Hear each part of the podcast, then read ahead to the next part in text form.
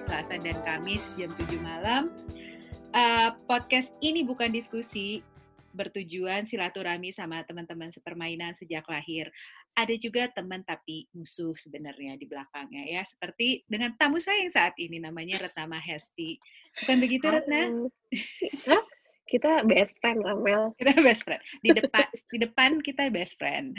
Tapi di belakang aku japri orang lain ngomongin kamu. Kamu bikin grup khusus pasti ya Aku bikin untuk grup ngomongin khusus. saya. ngomongin kamu. Aduh, kamu terlalu terlalu pede ya. Eh, topik topik topik ini bukan diskusi, kadang berguna, kadang nggak berguna. Terus podcast ini seperti biasa didengarkan oleh antara 5 sampai 5 juta orang tergantung eh, yang saya interview ini terkenal apa enggak. Tapi saya Instagram follower saya cuma ada 200. Iya, 150-nya teman saya. Jadi kita nggak akan ke mana-mana ini hidupnya. Di situ-situ aja nggak ada yang dengerin. Jadi gimana? Sedih. Eh, Retna ini, saya pertama tahu Retna sebenarnya sama-sama di SMA 5 di Bandung. Angkatan nggak usah disebutkan karena menyakitkan. Em, terus eh, nggak pernah kenal sama Retna, pad- padahal selain satu SMA, satu universitas juga ya di Unpar. Terus karena Retna seleb, Kita cuma lihat-lihatan aja ya. dulunya selebritis tapi sekarang udah enggak. jadi jadi ya saya nggak pernah kenal, saya bukan selebritis. Terus Saya tidak merasa saya selebritis loh, Mel. iya, iya. udah udah nggak apa-apa Rat, ini saya lagi berusaha memuji-muji kamu depan umum. Terus penjelasan singkat. Oke. Penjelasan singkat tentang Retna, katanya dia psikosomatis, takut kena penyakit, hobi rebahan, dan di kantor terkenal galak. Ini agak aneh sih saya pas saya baca di kantor terkenal galak, tapi di rumah kalah sama suami. Karena kan emang harus nurut, Mel, Oh sama iya, suami. Gimana sih? benar, benar, benar. Hebat Ini pencitraan saya.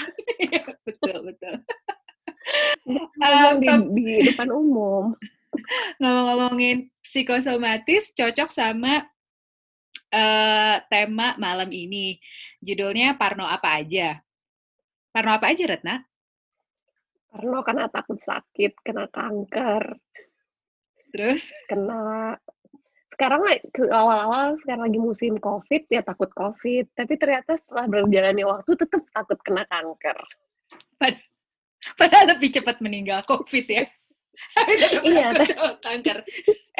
Eh, ya balik lagi gitu kan seperti orang lain level ketakutan kena covid tuh makin dikit nah ini juga begitu eh, gitu ya. Tapi kalau kanker tetap stabil ya ketakutannya. Karena kanker kanker kan nggak tahu tiba-tiba ada kalau covid Eh. kan udah tahu kalau ada kena orang itu itu kena covid bisa dihindari lah seenggaknya dengan tidak keluar rumah seperti saya sekarang Itu padahal sebenarnya COVID nggak COVID kamu emang di rumah terus ya.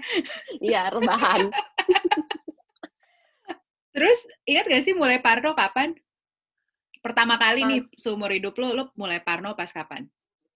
Eh, pas eh, hamil anak kedua kali ya hamil anak kedua kan di usia yang tidak muda lagi kan di usia renta Rentang. awalnya sih biasa-biasa sebelum ya sebelum hamil anak kedua sih biasa-biasa aja ya tapi pas Eh. setelah hamil anak kedua terus kebanyakan baca IG kan terus isinya IG itu sedih-sedih Sedih. gitu ya apalagi semakin semakin ter apa semakin baca yang kayak apalah di kita bisa lah. Kan semakin semakin si si lo- logiknya si IG itu akan terus munculin berita-berita kayak gitu kan. Iya, semakin iya. banyak yang dibaca.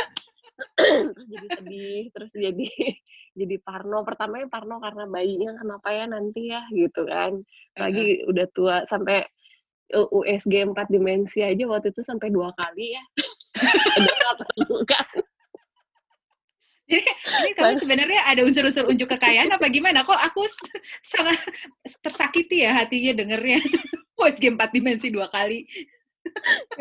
padahal nggak perlu Nggak perlu. dokter aja sampai ada dua ya dokter kandungan tiga Serius? sama Riana ya tiga sama Riana mungkin itu sebagai konsultasi online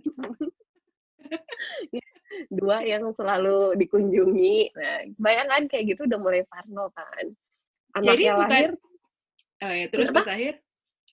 Anaknya lahir udah tuh, anaknya lahir langsung kepikiran, waduh kalau gue meninggal duluan gimana ya anaknya masih bayi. Makin panjang parnonya. Terus tiba-tiba lihat orang lihat lihat berita terus ngeliat orang-orang kayak banyak yang meninggal karena kanker. Makin-makin kan? Makin-makin gila. Makin gila makin stres. Terus masuk kantor stres. Habis selesai, selesai melahirkan. Tiga bulan di rumah santai-santai. Pas masuk kantor tiba-tiba sakit kepala tiap hari. Parno lagi. Parno lagi takutnya itu tapi lu Parnonya masih Parno kanker? Nggak uh, tahu deh stres aja. Ya Parno aja Parno apa perlu MRI gitu di otak. Gitu ya soalnya sakit kepala. Sampai ke dokter syaraf dua kali. Kata dokternya nggak apa-apa nggak apa-apa. Ini mungkin capek ini mungkin stres atau mungkin apa. Kayak enggak deh. Ya kenapa ya sakit kepala sampai gue masih gue masih punya jurnal loh Mel punya jurnal uh, jurnal? tapi gue taruh di HP ya. Jadi kayak misal hari ini tuh sakitnya apa maksudnya sakit itu apa aja gejalanya lah itu gue tulis itu gue tulis adalah uh, um, apa kayak uh, melayang. Terus uh, sakit di bagian kepala belakang kayak gitu. Gitu terus nunduk terus bangun melayang gitu. Ya gitu gitulah jurnalnya. Kayak gitu sampai kayak ke, ke dokter kayak udah beberapa kali juga waktu itu. Terus udah gitu sampai satu ke dokter yang menurut gue sekarang kan kalau gue pikir namanya uh, dokter apa ya waktu itu. Dokternya uh, itu juga direkomendasiin kan? Namanya dokter aduh lupa fungsional namanya. Itu cuma pakai alat doang gitu ya. Punya hmm. pakai alat suruh pegang terus ntar kelihatan. Itu sebenarnya buat gue sih nggak make sense juga sampai sekarang ya. Kenapa dia bisa pakai alat terus? Pakai alat terus udah gitu dia uh, dia ngeliat apa uh, kayak kayak komposisi di badan lu tuh ada apa aja gitu loh. Maksudnya uh, tingkat logam lu tingkat uh, vitamin B berapa lah terus udah eh macam-macam lah ini ya terus udah gitu fungsi ini. Kan, kan aneh ya nggak gitu. Tapi waktu itu sih percaya aja demi gitu karena sakit kepala ya. Terus dia bilang uh, terus tiba-tiba gue jadi curhat gitu sama dokternya. Terus dok kayaknya gara-gara mungkin karena kemarin-kemarin lagi di rumah terus punya anak ter, uh, baru punya bayi terus kayak intinya sih terus masuk kantor lagi terus masuk kantor kantornya jauh dari rumah terus macet segala terus bilang terus dia bilang ya ini kayaknya stres sih kayaknya soalnya nggak ada apa-apa. Terus dia cuma ngasih vitamin B12 ya waktu itu yang gue inget ya udah gitu gue gara-gara dia bilang B12 B12 terus akhirnya, akhirnya udah gitu gon karena kelihatan nggak ada apa-apa. ini dokter atau apa sih? Dokter beneran? Dokter beneran dokter umum cuma yang ngambil kayak spesial bukan spesialis sih kayak kurs gitu ya. Lu coba deh search ada dokter fungsional dokter gitulah Nah, nggak tahu sih, mungkin bener kali ya, mungkin bener tapi buat gue pas sekarang kayaknya emang bisa ya dari alat itu megang doang bisa ketahuan segala ini. Emang sih waktu itu katanya ini ini kacau isinya gitu loh intinya uh. gitulah ini gue penyerapannya apa gue uh, jelek gitu loh vitamin penyerapan vitamin gue terus udah gitu makanya dia bilang dia kasih vitamin B12 tapi gue pikir-pikir vitamin B12 kan sebenarnya buat saraf ya kayaknya B kompleks itu emang buat sakit kepala gimana terus udah gitu ya pakai bahasa gitu Sunda ya, ya pendengar kita internasional. Maaf ya ini sepertinya. Neneng neneng neneng keluar neneng gerlong. Terus? Ya akhirnya udah gitu udah kayak gak ada apa-apa ya udah akhirnya uh, ya udah sehat lagi semenjak itu. Terus udah tuh bertahan bertahan lah tahun deh kayak gitu. Gue minum vitamin B12 udah ke, udah sampai habis tuh satu botol kayaknya satu botol kayaknya ada 60 60 butir ya sehari satu berarti dua bulan ya.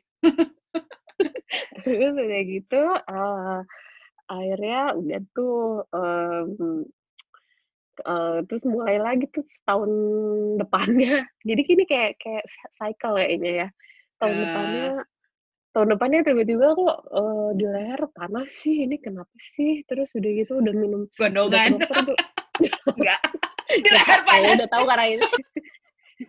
Terus? udah udah udah tahu nih ke dokter lagi, ke dokter udah sampai ke spesialis spesialisnya di dua ada spesialis uh, penyakit dua. dalam. Spesialis penyakit dalam dan dua gitu. Yang satu kan dulu per, pernah ada apa ada ada historical uh, hipertiroid nih. Nah spesialis itu bilang ya coba ya dites. Dites dia main kasih obat aja padahal hipertiroidnya eh udah nggak ada. Kok sudah lagi ya? Susah ini nenek Gerlo. Udah nggak ada tuh. Hipertiroid itu udah nggak ada. Terus dia ngasih aja itu nggak usah dimakan lah ya. Ya udah tapi kan masih masih berasa sih masih berasa nggak enak gitu kan. Akhirnya ke dokter uh, ini deh yang gastro gastro dikasih obat Oh itu sampai ke THT juga soalnya kenapa panasnya ada di leher sama di telinga kayaknya sampai ke telinga. Pokoknya itu sampai ke mana-mana itu ke dokter sampai akhirnya nemu satu dokter lagi yang yang yang, yang cocok gitu ya si gastro hmm. dia bilang uh, ah sampai dia bilang ya udah deh di ini aja di apa namanya aduh yang masukin ke alat ke dalam lambungnya gitu ya udah akhirnya dimasukin terus dia bilang oh nggak ada apa-apa. Dia bilang gitu. Akhirnya terus minum obat ya udah lah gone juga akhirnya. Di situ ya udah udah sembuh ya udah kembali seperti biasa. Terus baru tahun ini nih berasa lagi gitu kan. Terus saya kayak gitu. Terus saya kayak gitu. Terus akhirnya datang lagi tuh ke dokter yang terakhir sampai si dokter ini ibu ibu nggak ada ini ibu nggak ada masalah sama suami. Kenapa dok soalnya saya baru nemu soalnya dia bilang katanya uh, pasien sebelum ibu. Sakit jiwa. Ada ada ada ada maaf ya ada iklan kenapa? Sih bingung. Kenapa bu? Katanya eh kenapa? Eh, soalnya bu eh soalnya ini sebelum saya ada yang ada yang cerita suaminya selingkuh jadi dia mikirin terus gitu. Ibu nggak apa-apa karena mas suami? Dokternya malah gosip coba kayak gitu. Enggak dok ya udah coba obat lagi. coba saya ada di sana. Dokter harus lihat dulu suami saya kayak apa. Baru dokter bisa bikin kesimpulan seperti itu Nah, dia ini sampai kayak gitu soalnya dia nanya kan kerjaan nggak perasaan emang nggak stres ya cuma mungkin kalau stresnya stres di jalan kali ya. Terus stres di jalan terus udah gitu ya udah ya udah akhirnya minum obat ya udah yang sekarang on off on off on off ya udahlah akhirnya ya udah dihadapi aja sih cuma ya tetap ya balik lagi aduh saya takut kanker lambung. Kanker apa biasa. Tapi lo ada ada turunan kayak biasanya kan kanker payudara biasanya turunan dari keluarga ibu Mm, ada ada turunan ada. dari keluarga. Oh nggak ada. ada. Oh nggak ada. Oke oke oke. Menarik ini info menarik. Buat gue ngina-ngina lo di grup WhatsApp. Enggak. Nggak ada, nggak ada. Nggak ada, makanya oh ter terakhir kan juga periksa juga kan kata di ketika kok ada benjolan sih gitu kan sakit ditekan kenapa ya gitu ya hari itu langsung telepon ke ke RSP itu terus uh, mau ke dokter onkologi gitu. lo langsung lo langsung request dok onkologi. Iya langsung lah, langsung request lah. Terus kata dok, kata si susternya itu bilang, oh ada do, uh, bu, tapi uh, pas, uh, pasien sabar tunggu, ya nggak apa-apa deh.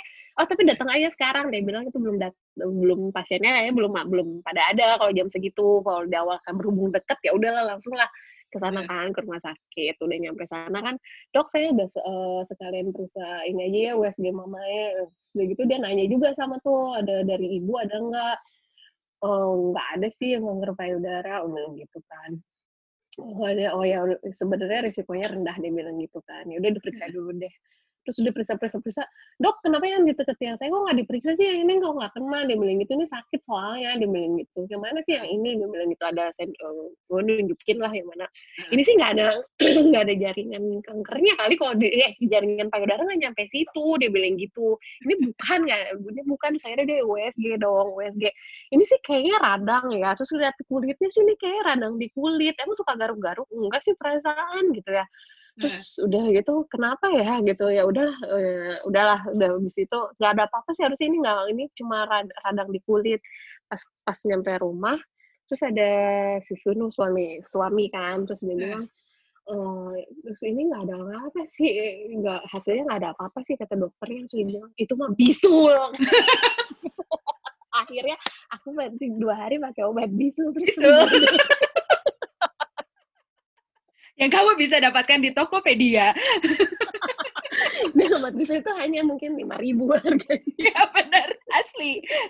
Terus tanggapan nih ya, gue mikirnya kayaknya kalau suami lo kan udah udah apa udah udah nyerah lah udahlah terserah lo deh lo mau parno parno Ya, gitu udah udah susah kasihan.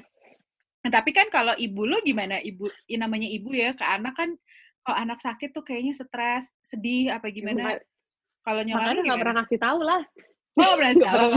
nggak pernah ngasih tahu lah nanti dia stres. Tapi suka ngasih tahu sih kalau misalnya periksa habis periksa ini ini ini. Terus dia nanya kenapa periksa itu? Dia bilang gitu.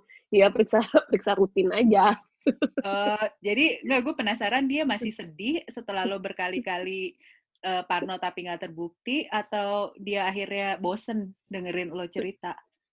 Siapa nih? tahu. Si nyokap lo oh nyokap. Nyokap sih kan dia gue jarang jarang ngomongin macam-macam lah. Jadi eh, maksudnya jarang ngomongin masalah kayak dia lebih kayak mungkin pas gue ceritanya cuma pas lagi sakit aja tapi kan nggak nggak yang terus-terusan tiap hari udah tiap hari aku eh, stres ya gue gini-gini. Enggak nggak sampai kayak gitu. Ntar pasti dia kan kepikiran jadi ngomong yang tahu mungkin cuma kayak suami sama eh, bos di kantor. Bos di kantor juga ya udah stres dan dia malah kayaknya malah ikut-ikutan juga ikut-ikutan parno. Karena dia sekarang juga dia sering merasa dia dirinya autoimun padahal enggak. Gila menular. Menular. Menular. Justru yang menular dia sakit dia sakit kayak gue sakit ini deh. Kayaknya kenapa jadi berdua kayak gini ya? Kan bodol ya. Saling Anggap- mendukung tapi tuh di, di, di, di mendukung di hal yang salah. Tanggapan teman-teman gimana Red? Tanggapan teman-teman eh, kalau yang eh, di WA grup ya, di WA grup kita ini pasti kan semuanya melihat bahwa gue emang stres aja ya, emang parno. Kasian apa menghina kalau di grup biasanya? Menghina ya. Tidak ada kasihan-kasihannya, emang gue gak ada prihatin-prihatin ya. Nggak ada prihatin ya. Nah, Beda, beda sama beda sama grup yang lain ya. grup yang lain. mungkin yang lain masih oh gitu ya gitu. Iya. lo, lo harus selalu di grup yang baru kalau mau cerita Parno. Bisa di grup lama. Di grup lama kayaknya udah udah bosan ya dengerin ya. Terus kalau kalau misalnya nih, kan lo parnoan banget nih. Berarti Hmm. kalau lo harus sehat terus kan? Berarti lo Hmm. harus punya gaya hidup tertentu. Lo tertarik gak sih ganti gaya hidup gara-gara parno ini Nah, atau itu dia. parno parnonya terpisah sama gaya hidup? Parnonya terpisah dengan gaya hidup.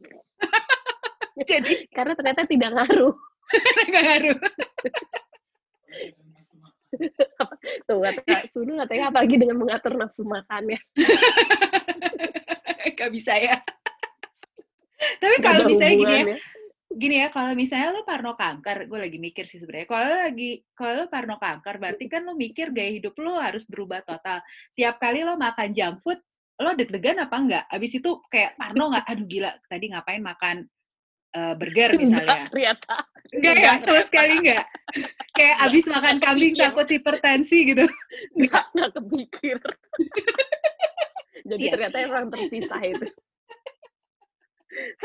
Kayak minum kopi kan ini lagi GERD nih. Bisa Heeh. minum kopi. Kalau misalnya lagi sembuh kan, oh udah sembuh lah ya udah minum kopi aja gitu. Kan di rumah ada obat kayak gitu loh. Di Jadi nggak obat. ngaruh gitu. Jadi misalnya udah tahu gitu kan, betul lagi gitu pasti kena GERD gitu. Tapi tetap aja diminum kopinya kan. Eh, Karena semua orang minum kopi di situ gitu kan. eh. Nyampe rumah marah-marah. Nyampe rumah marah-marah karena langsung asam lambung naik. Kacau. Gitu. Iya, iya.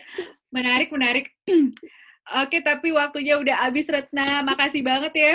Iya. eh, udah mau jadi tamu kita. Seru banget cerita-ceritanya. Kayaknya membukakan mata yang pada parno-parno, apalagi lagi lagi heboh COVID-19 ini. Jadi kayak, perlu nggak ya gue parno kalau dengerin Retna Mahesti sih kayaknya nggak usah. Nggak perlu sih sebenarnya. Bisa dijalanin aja gitu aja gitu. Ya Iya. paruh sekali-kali nggak apa-apa. Tapi Nggak usah ke rumah sakit request, "Eh, Mbak saya mau ketemu onkologi. saya yakin 100% saya punya kanker. Oke, Red, makasih banget ya. Terima kasih Terima juga kasih. kepada pendengar podcast ini uh, Ardel, Sunu, Karim, Mama Mbak, makasih ya udah dengerin podcast malam ini. kalau pendengar di sini, pendengar ini bukan diskusi suka, boleh di like dan boleh juga komentar. Kalau nggak suka, SMS saya aja ya. Nanti saya bawa masa yang banyak ya follower iya. saya yang 200 itu. Iya, iya benar. Tolong ya. Oke deh kalau gitu, selamat malam semuanya. Terima kasih. Bye. Bye.